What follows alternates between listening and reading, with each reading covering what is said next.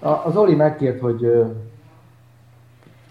hogy én vezessem ezt és osszak meg. Nem szeretném nagyon húzni. Gondolkoztam, imádkoztam, hogy mi legyen a téma, és hát ezt helyezte Isten igazából a szívemre. Sokan nem szeretik ezt a könyvet, jobb könyvéről van szó. Szerintem ez egy nagyon érdekes és egy nagyon különleges könyv, olyan szempontból is, hogy megengedi nekünk, hogy egy kicsit bepillantást enged nekünk a szellemi világba, hogy mi folyik a háttérben, amit mi valójában nem látunk, nem hallunk. De amire konkrétan szeretnék egy kicsit fókuszálni, az fel is olvasom, ez kettő királyokban van, Mindannyian szerintem nagyon jól ismeritek ezt a történetet. Ezért kiás a király, ő egy jó király. Nagyon jó dolgokat tesz. Az apja előtte egy nagyon rossz példát adott neki. Bálványimádó volt, nagyon-nagyon rossz dolgokat tesz. Ezért kiás mégsem ezt a példát követte. Ő rendbe rakta a templomot, rengeteg, rengeteg jó dolgot tesz. De látjuk azt, hogy hogy amikor valaki Isten követi, és a jó útra áll, mindig megjelenik az ellenség támadása. Mindig. És ugyanezt látjuk itt is. Ezékiás rengeteg jó dolgot tesz, és megjelenik az ellenség. De ahol Isten dolgozik, és ahol Isten munkálkodik, legyen az egy nemzet életében, vagy egy személy életében, a Isten mozdul, az ellenség mindig rögtön mozdul. És azt látjuk, hogy jönnek az asszírok, és hihetetlen módon elkezdik gyalázni az Istent.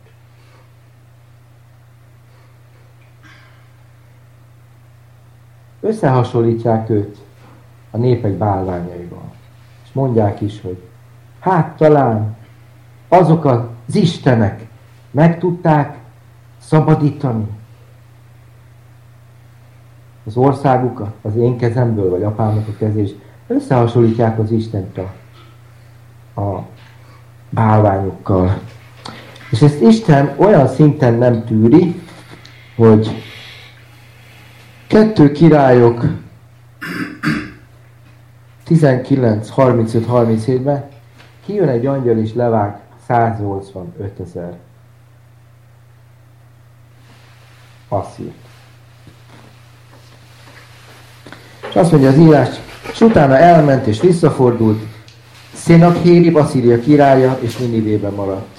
És lőn, mikor a, ő a Nisróknak, az ő istenének templomában imádkozik, Adimélek és Sarizér, az ő fiai levágták őt fegyverrel.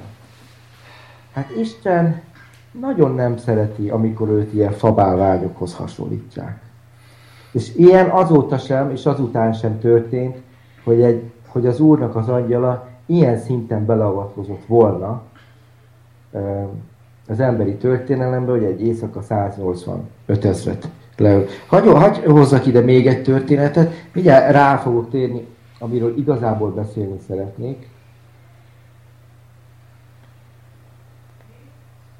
Az pedig a szíriaiak. Ez pedig egy királyok, 20, és hát odalapozok közben,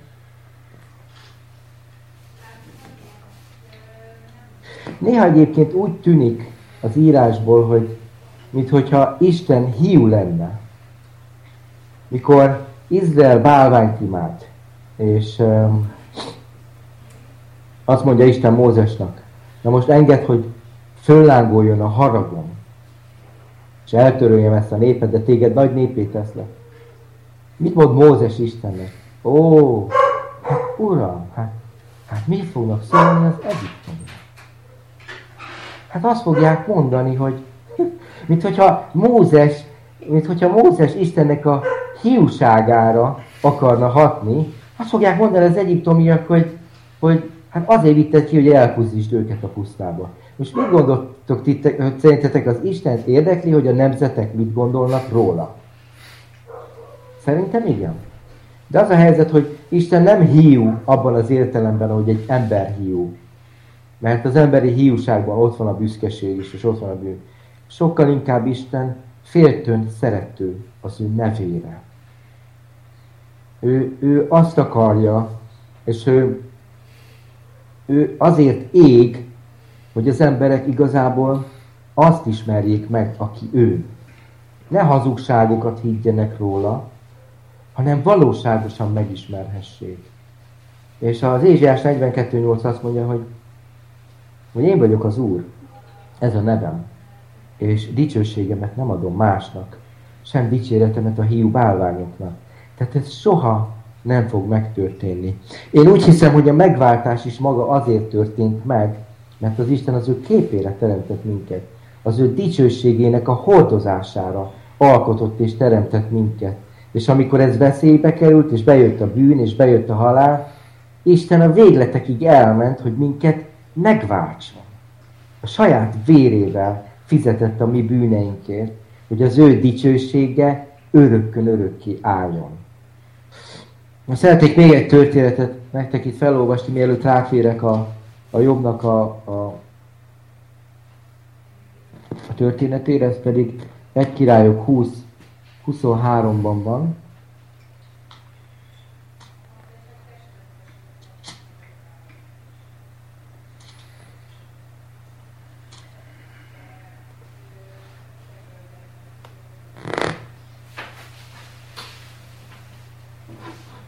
Királyok 20.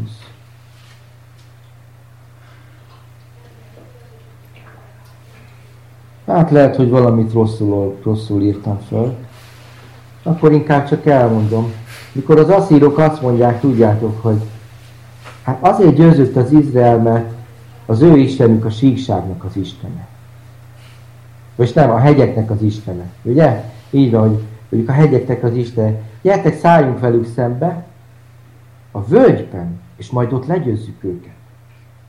És mit mond erre Isten? Azért, mert az azírok azt mondták, hogy az Úr csak a hegyeknek az Istene, és nem a völgyeknek az Istene, ezért ezt a nagy sokaságot mind a kezetekbe adta. Szóval Isten nem csak, hogy nem tűri, hogy összehasonlítják őt faragott bálványokkal, meg a népeknek a, a kitalált isteneivel, de de azt sem tűri, mit írtam ide? Isten nem tűri, amikor beskatujázzák. Teljesen beskatujázzák az Izraelnek az Istenét.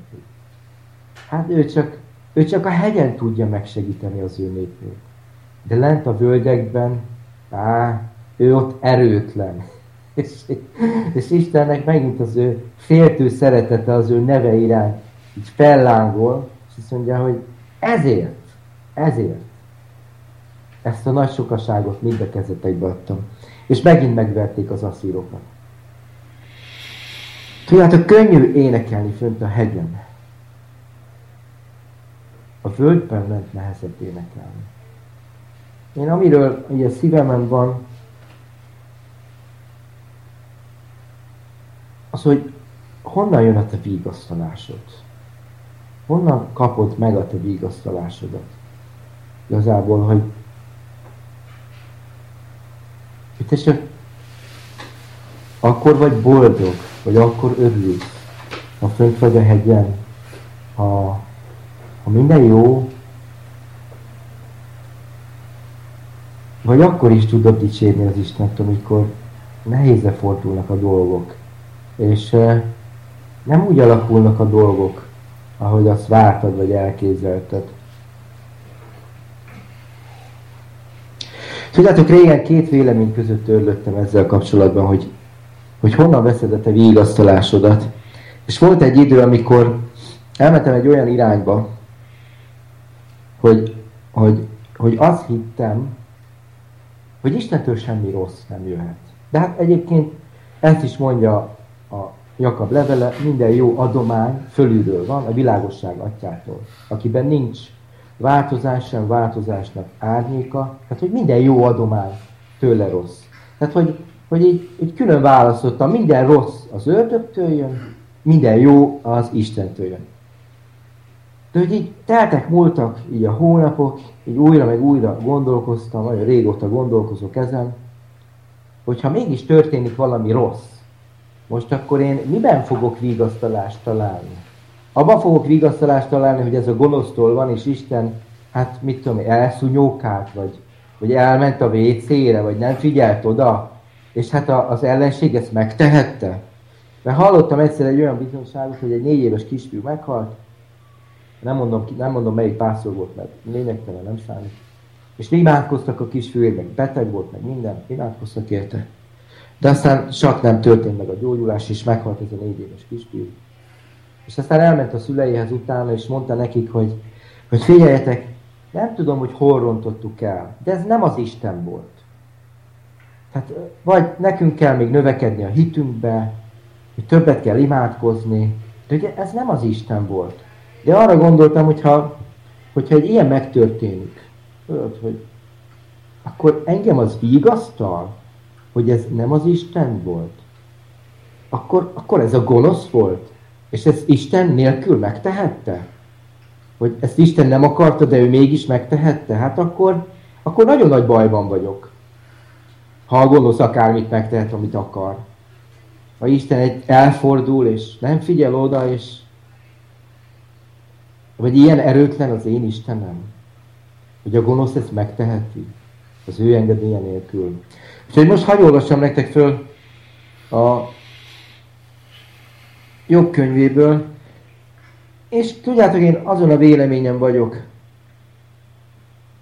amit jobb mondott 2.10-ben, ő pedig mondanék, hogy ezt asszonynak mondja, miután már tehát a zöldög mindent elvett, most nem megyek bele a párbeszédbe, mert nagyon jól tudjátok, de talán annyit még előtte, hogy, hogy ki az, aki provokált? Az ördög provokálta az urat, vagy az úr provokálta az ördögöt? Az úr provokálta az ördögöt. Tehát szerintem, szerintem sátán nem is akart jobbról beszélni. Isten mondta neki, hogy észrevette-e az én szolgámat jobbat. Nincsen hozzá hasonló.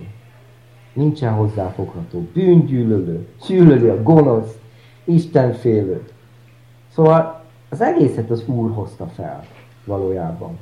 És aztán rövidre fogva az ördög azt mondta, persze, hogy fél téged, mert fizetsz neki. Tehát alapvetően, alapvetően ez volt a rövid válasz, azért fél téged, mert te fizetsz neki érte.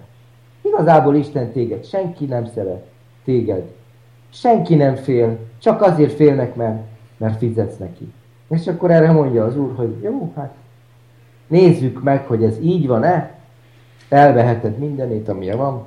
Mindegy, ismeritek a történetet. Jobb teljesen Istenfélő marad. Utána megint találkozik az Úr, meg a sátán. Megint ugyanaz az ördögnek igazából, ugyanaz a válasza, hogy jó, jó, jó, csak nyújts ki a kezed, verd meg őt, mert az ember mindent odaad az életéért. Majd nézd meg, meg fog átkozni téged szentől szembe, a testében megvered, és aztán elment az ördög is jó, megvette jobbot mindenféle fekélyekkel a testében, nem lehetett egy kellemes dolog.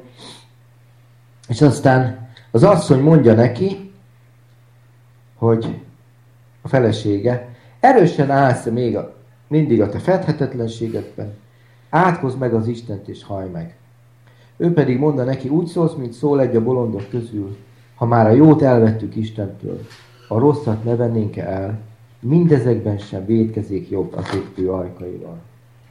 És én arra a következtetésre jutottam ezekben az években, hogy ez egyetlen vigasztalásom nekem ebben az életben az, ha bármi is történik, hogyha én mindent az Úrnak a kezéből fogadok rá.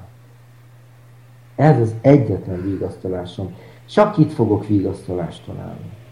Hogyha én mindent az Úrnak a kezéből fogadok el. Az is érdekes Jobbnak a könyvében, hogy ugye jönnek a barátok, és hát próbálják megmondani Jobbnak, a három barát, hogy hát ez miért történt. És egyre erőteljesebben akarják jobbra bizonyítani, már olyanokat is mondanak, hogy te bizonyosan, te gonosz vagy. Hát ez valami nagyon súlyos dolgot tehettél az Istenet. Hát ilyen nem történik ártatlan emberrel. Hát ez nem lehetséges. És hát onnan tudjuk, hogy a három barát nagyon eltévedt, eltévesztette az irányt, hogy az Úr majdnem megöli őket a végén. És azt mondja az Úr, hogy csak jobb személyére tekintettel nem cselekszem rettenetes feleket. Úgyhogy áldozzon értetek, és áldozatok magatokért, jobb imádkozzon értetek, és akkor nem fogok rettenetes cselekedni. Tehát a három barát nagyon eltévesztette, nem találták el a miértet. De tudjátok, mi a megdöbbentő még? Hogy igazából a miért, tehát, hogy jobb könyvéből nem tudjuk meg, hogy miért történt mindez. Megtudjuk, a, bepillantunk a szellemi világba, és látjuk a párbeszédet az Úr és a sátán között, megtudjuk, hogy miért történik, hogy mi történt igazából. De nem tudjuk meg a miértet a miért mögött. Értitek, mit akarok mondani?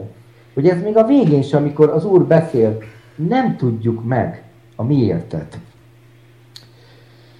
Ha, ha, ne, ha nem találjuk meg a miértet, a miért mögött, akkor ez azt jelenti, hogy Isten nem akarja, hogy foglalkozzunk vele. Mert ha fontos lenne, elmondta volna. Azt nem a miért a fontos, hanem az, hogy én most hol találok vigasztalást. Hol találok erőt? Kiben fogok bízni? Mit kezdek ezzel a helyzettel? Hogyan fogom értékelni a helyzetet? Ez a fontos.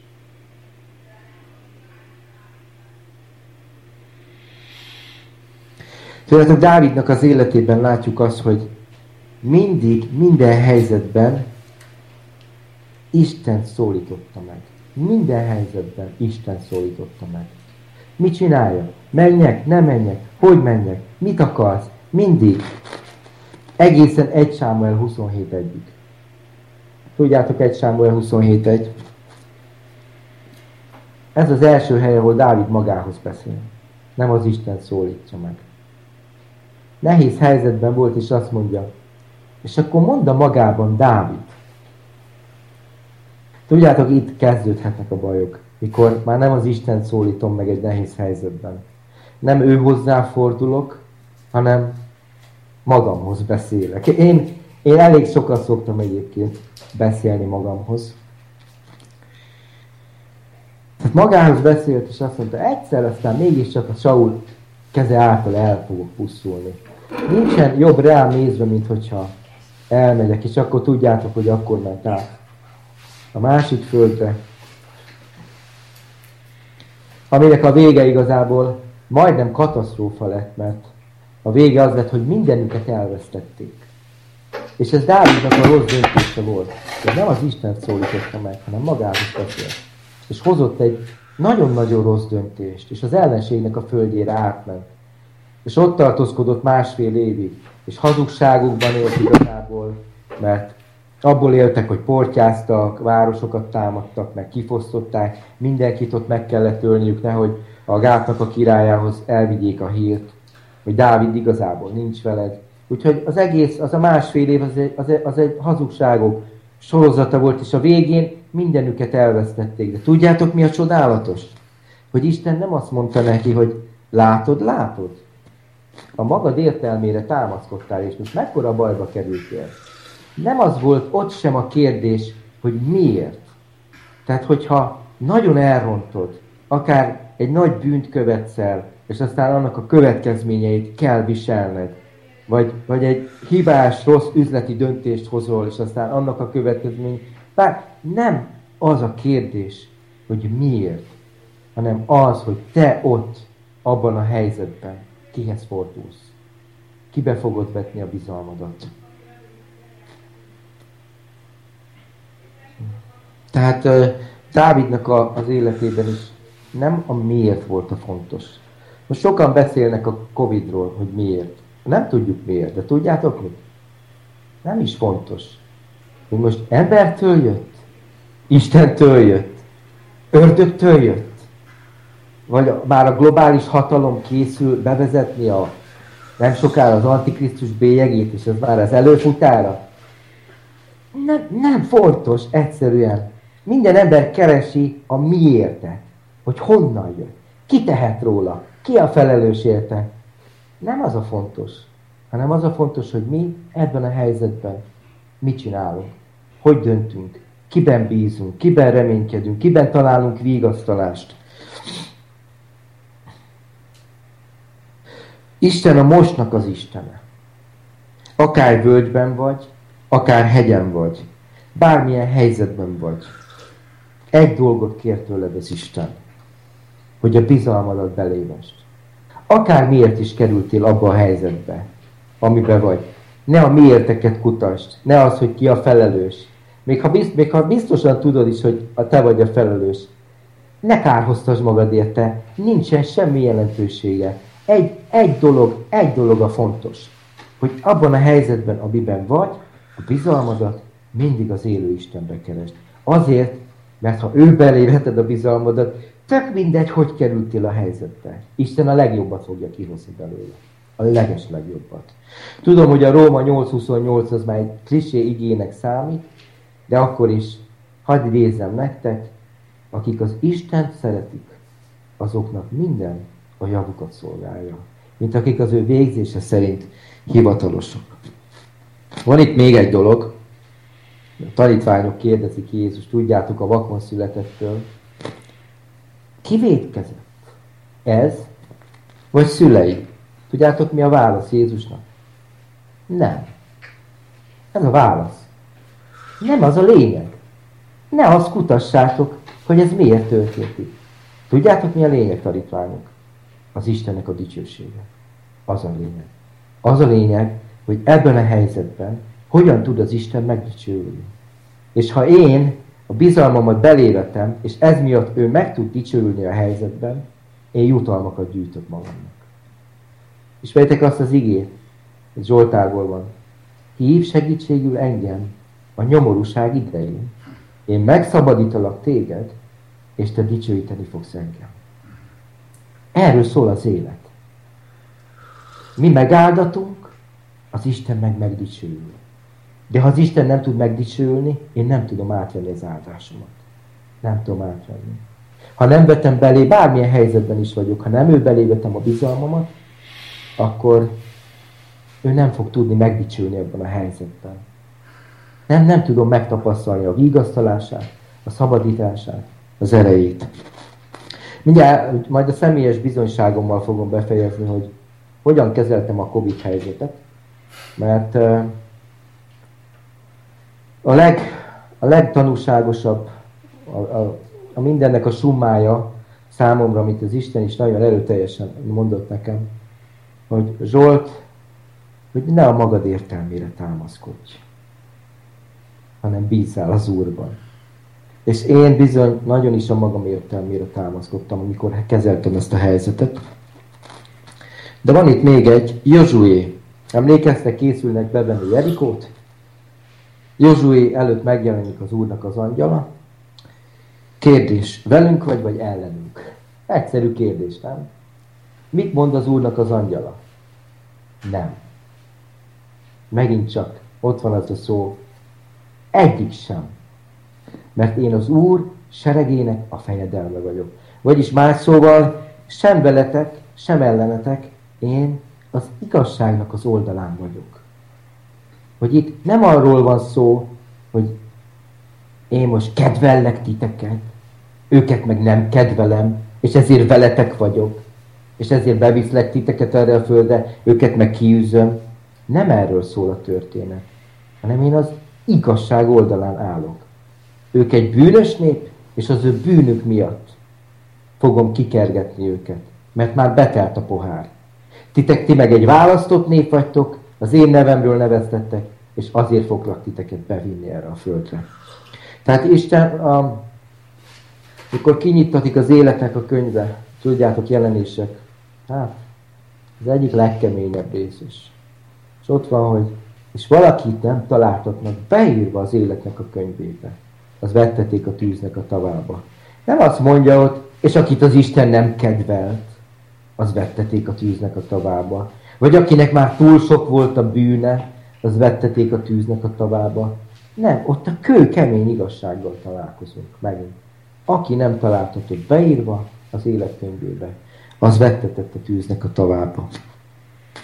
De szóval én elég rosszul kezeltem ezt a Covidot. Először is, tudjátok, sokáig nem is tudtam, hogy ez Covid. Én azt hittem, hogy egy influenza.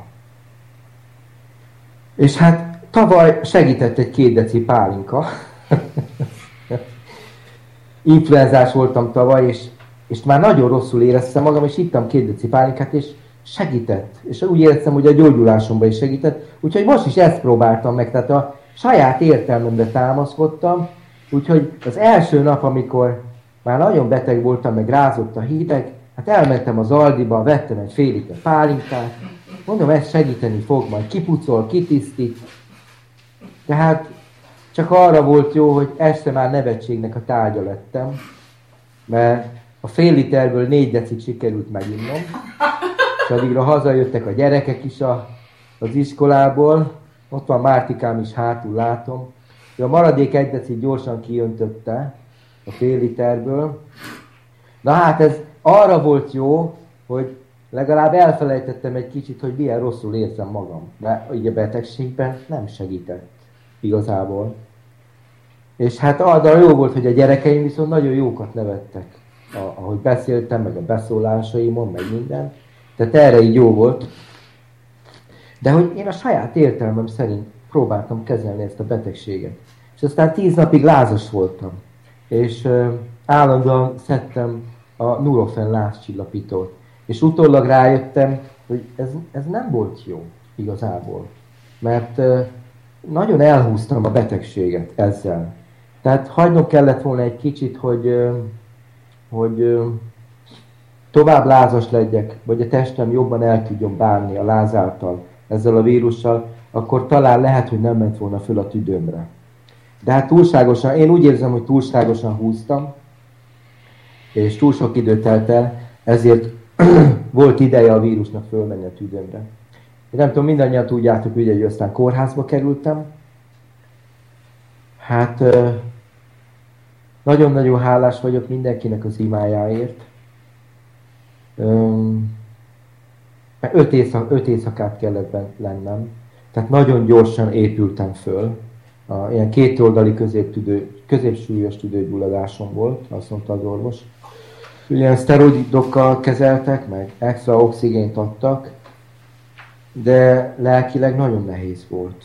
Tehát én, én, én, én sok Zsoltárt olvastam, de, de voltak, voltak Zsoltárok, ahol én sírva fakadtam.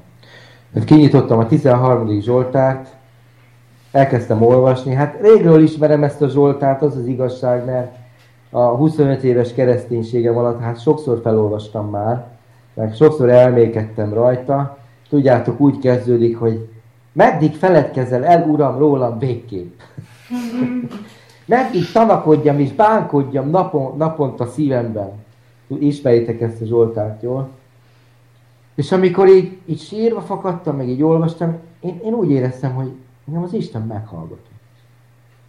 És nagyon éreztem, éreztem ott bent, hogy, hogy értem imádkoznak. És ez nagyon jó volt igazából. De lelkileg, lelkileg nehéz volt ezt a bezártságot ugye elviselni, mert még a korteremből se engednek ki.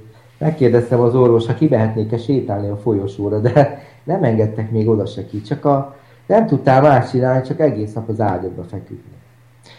És aztán ez a betegség így, így lelkileg ilyen nagyon nagy sötétség ráhúzódott a lelkemre. Hát így, így nem volt egy jövőképen.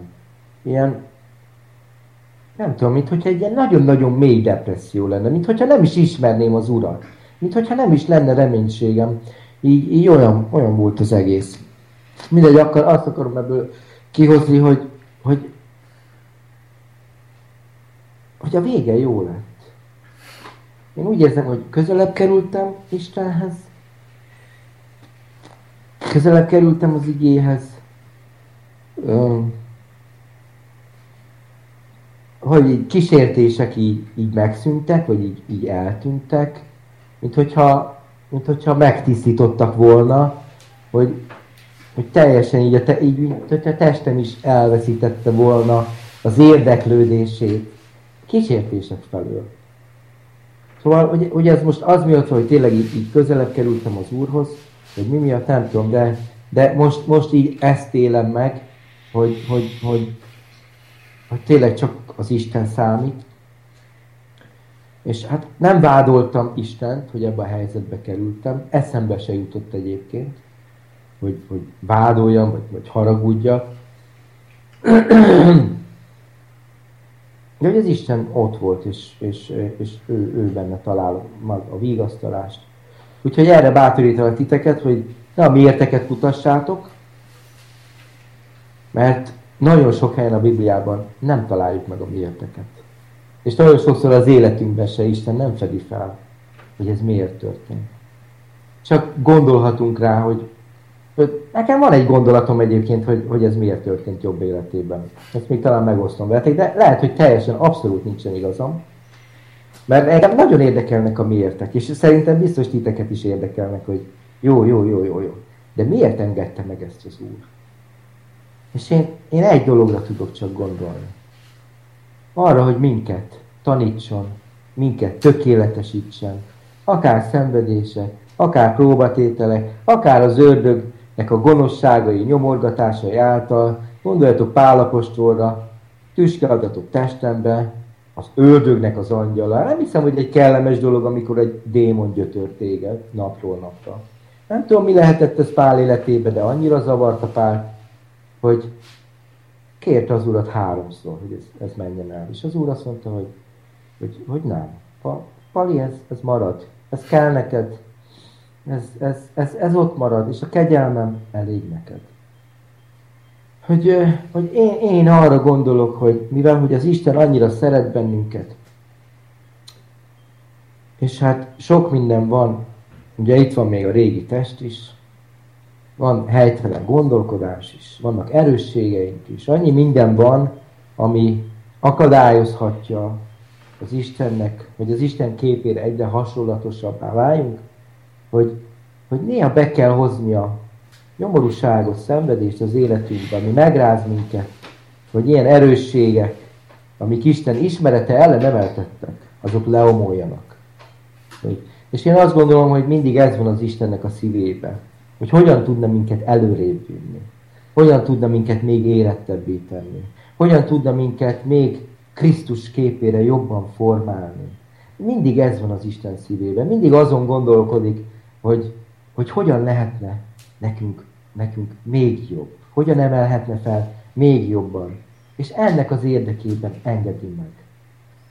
Az, hogy, hogy nyomorúság, problémák, nehézségek, olyan dolgok történjenek, amik megráznak minket.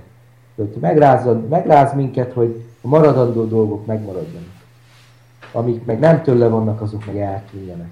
Szóval én erre gondolok, hogy, hogy Isten bármilyen nehézséget is bocsát az életünkre, azt a javunkra teszi, és azt mondja Pál, de soha nem hagy feljebb kísérteni, mint ami, ahogy azt mi el tudjuk viselni. Tehát ő pontosan tudja, hogy mi mennyit tudunk viselni. Nézzétek, hogyha, hogyha a jobbnak a csapását bocsátaná ránk, 21. századi, hát most ne sértődjetek meg, de 21. századi elkényeztetett keresztények egy kicsit, hagyj, hagy, hagy mondjam ezt, hogy mert mi nagyon, tehát mi a korai keresztényekhez képest mi úgy el vagyunk kényeztetve, tehát nem üldöznek minket, víz folyik a csapból, megyek a bankhoz, kiveszem a pénzt, megveszem a kaját, stb. Sorolhatnám annyi minden minket, nem tudok más szót használni, mint hogy elkényeztetett.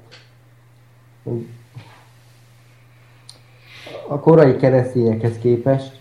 De, de nem baj, hát ez van, tudod. De az Isten akkor is szeret minket, és akkor is előre akar vinni, és akkor is Krisztus képére formál bennünket.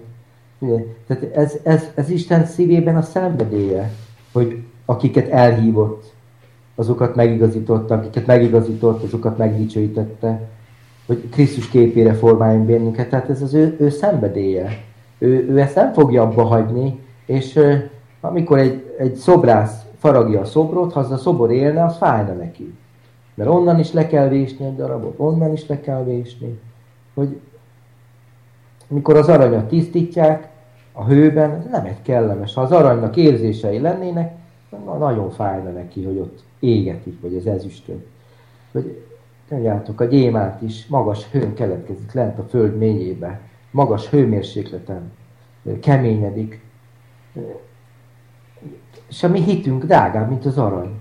Hát, hogyha ezeket a nemes dolgokat, tudod, a hő, meg a nyomás, aki a formája, akkor miből gondoljuk mi az, hogy, hogy minket nem így fog az Isten formálni. Úgyhogy ne szomorkodjatok, ha nehézségek vannak, ha problémák lépnek fel, hanem dicsérjétek az Urat, áldjátok őt, mert mindent javunkra fog formálni, minden, minden a javunkra van. Minden. Hogy ez lett volna az egyszerű rövid gondolatom, hogy tényleg ne a mi érteket kutassuk, bármi történik is. És ne kárhoztassuk magunkat. Az nem visz előrébb. Az, hogy magunkat vádoljuk, vagy egymást, és kárhoztatjuk, az nem fog előrébb vinni. De az, hogy én most ebben a helyzetben kiben bízok, az fog engem előrébb vinni. Az, az fog el. És Isten abban a helyzetben tud megdicsőülni az én életemben, ha én benne bízok. Úgyhogy talán ezzel is ezzel fejezem be, hogy ez egyetlen dolog, amit az Isten kér tőlünk, bármilyen helyzetben is vagyunk, hogy a bizalmunkat ő belé vessük. Ő belé. Ne próbáljunk megkeresni mindenféle emberi megoldásokat, vagy ne a saját értelmükre támaszkodjunk. Az a helyzet, hogy mi mindannyian nagyon jók vagyunk abban, hogy a saját értelmünkre támaszkodjunk. Mi megtanított bennünket az élet arra, hogy hogyan támaszkodjunk a, a, az értelmükre, hogyan oldjuk meg a helyzeteket.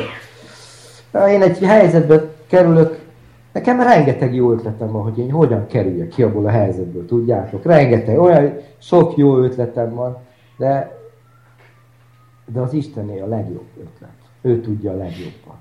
Ő. Úgyhogy ne a saját értelmünkre támaszkodjunk, hanem tényleg bízzunk benne. És hát bár jobb nem tudta a könyv, ő nem olvasta egyébként jobb a könyvnek a végét. De mi olvassuk, mi tudjuk már a könyvnek a végét.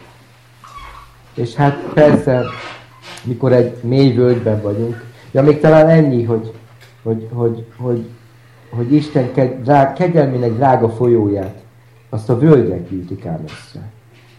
Hogy Isten a sötétségben tud a legjobban dökölni. Isten a nehézségben, a fájdalomban tudja legjobban megmutatni az ő kegyelmét, a szeretetét, a gondoskodását. Amikor szükség van, ő ott tudja megmutatni, hogy gondoskodó Isten. Tehát Isten, Isten az ő legmélyebb, legmélyebb értékeit a völgyben tudja megmutatni, nem a hegyen. Jó, jó a hegyen, hát Péter is mondta, hát uram, hát jó itt, én most építek három sátort, itt maradunk, ennyi. Itt fogjuk leélni az életünket, itt halunk meg. Maradunk. De nem volt még innen, annak itt az ideje, hogy fönnmaradjanak hegyen. Le kellett menni a völgybe, ahol a probléma van, a szükség van, a nehézség, a fájdalom, a betegség, és Isten ott tudja megmutatni az, hogy ő kicsoda. Igazából gondoljatok bele egy pillanatra. Ha nem lenne bűn, ha nem tudnánk mi az a bűn, nem tudnánk mi az a megbocsátás. Ha nem tudnánk azt, hogy az Isten az egy megbocsátó Isten.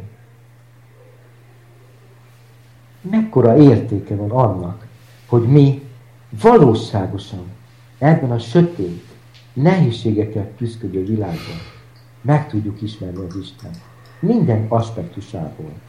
Tehát egy olyan, egy olyan háttér jött létre, ahol az Isten teljességében tudja kijelenteni az ő tulajdonságait.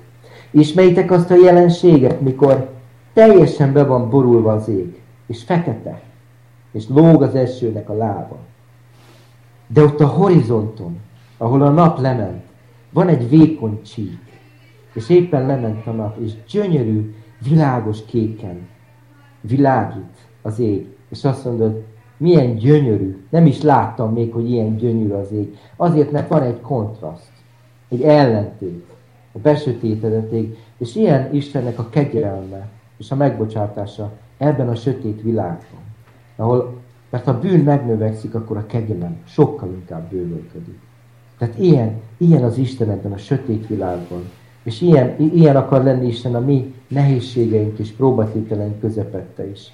Hogy ki akarja jelenteni az ő, az ő nagyon-nagyon mély értékeit. Ő nem csak azt akarja megmutatni, mert megmutatta a teremtés által a hatalmát, a bölcsességét, ő nem csak ezt akarja megmutatni. Isten meg akarja mutatni nekünk az ő szívének a gyengébb érzelmeit is. Ahogy törődik a legkisebbrel. Tudjátok, 84. az egyik kedvenc ígém a 84. Zsoltárban van. Azt mondja, még, még a veréb is talál helyet nálad, és a fecske is fiókáinak, a fiókáit helyeztesse a te oltáraidnál, hogy egy kis jelentéktelen madár is talál menedéket, egy helyet az Isten oltáránál. Hogy bár Isten hatalmas, és fel sem tudjuk fogni az ő nagyságát. Az, ő, ez ha, talán 33. Zsoltár mondja, hogy ő szólt és lett, parancsolt és előállott. Hát ez mekkora hatalom. Mekkora hatalom kell ehhez. Fel sem tudjuk fogni az ő hatalmát. De azt hiszem, hogy még nem is, még, még nem is hatoltunk le a mélyére, az ő gyengét szívének az érzelmeihez is. De a kereszten már elkezdjük látni, ahol ártatlanul, önként, senki nem kényszerítette, önként odatta az életét, és olyan büntetést és szenvedést szenvedett el, amit mi bűnösök érdemeltünk volna meg. Azért, hogy mi szabadok lehessünk, és vele lehessünk örökkön örökké. Szóval mi már elkezdtük meglátni az ő gyengéd érzelmeit is, és szívét. Úgyhogy ö, folytassuk ebbe. Ne jegyünk meg a sötétségtől, ne jegyünk meg a problémáktól, mert Isten ott fogja magát kijelenteni, és én ott fogom őt legjobban megismerni. Nem a hegyen fogom őt legjobban megismerni.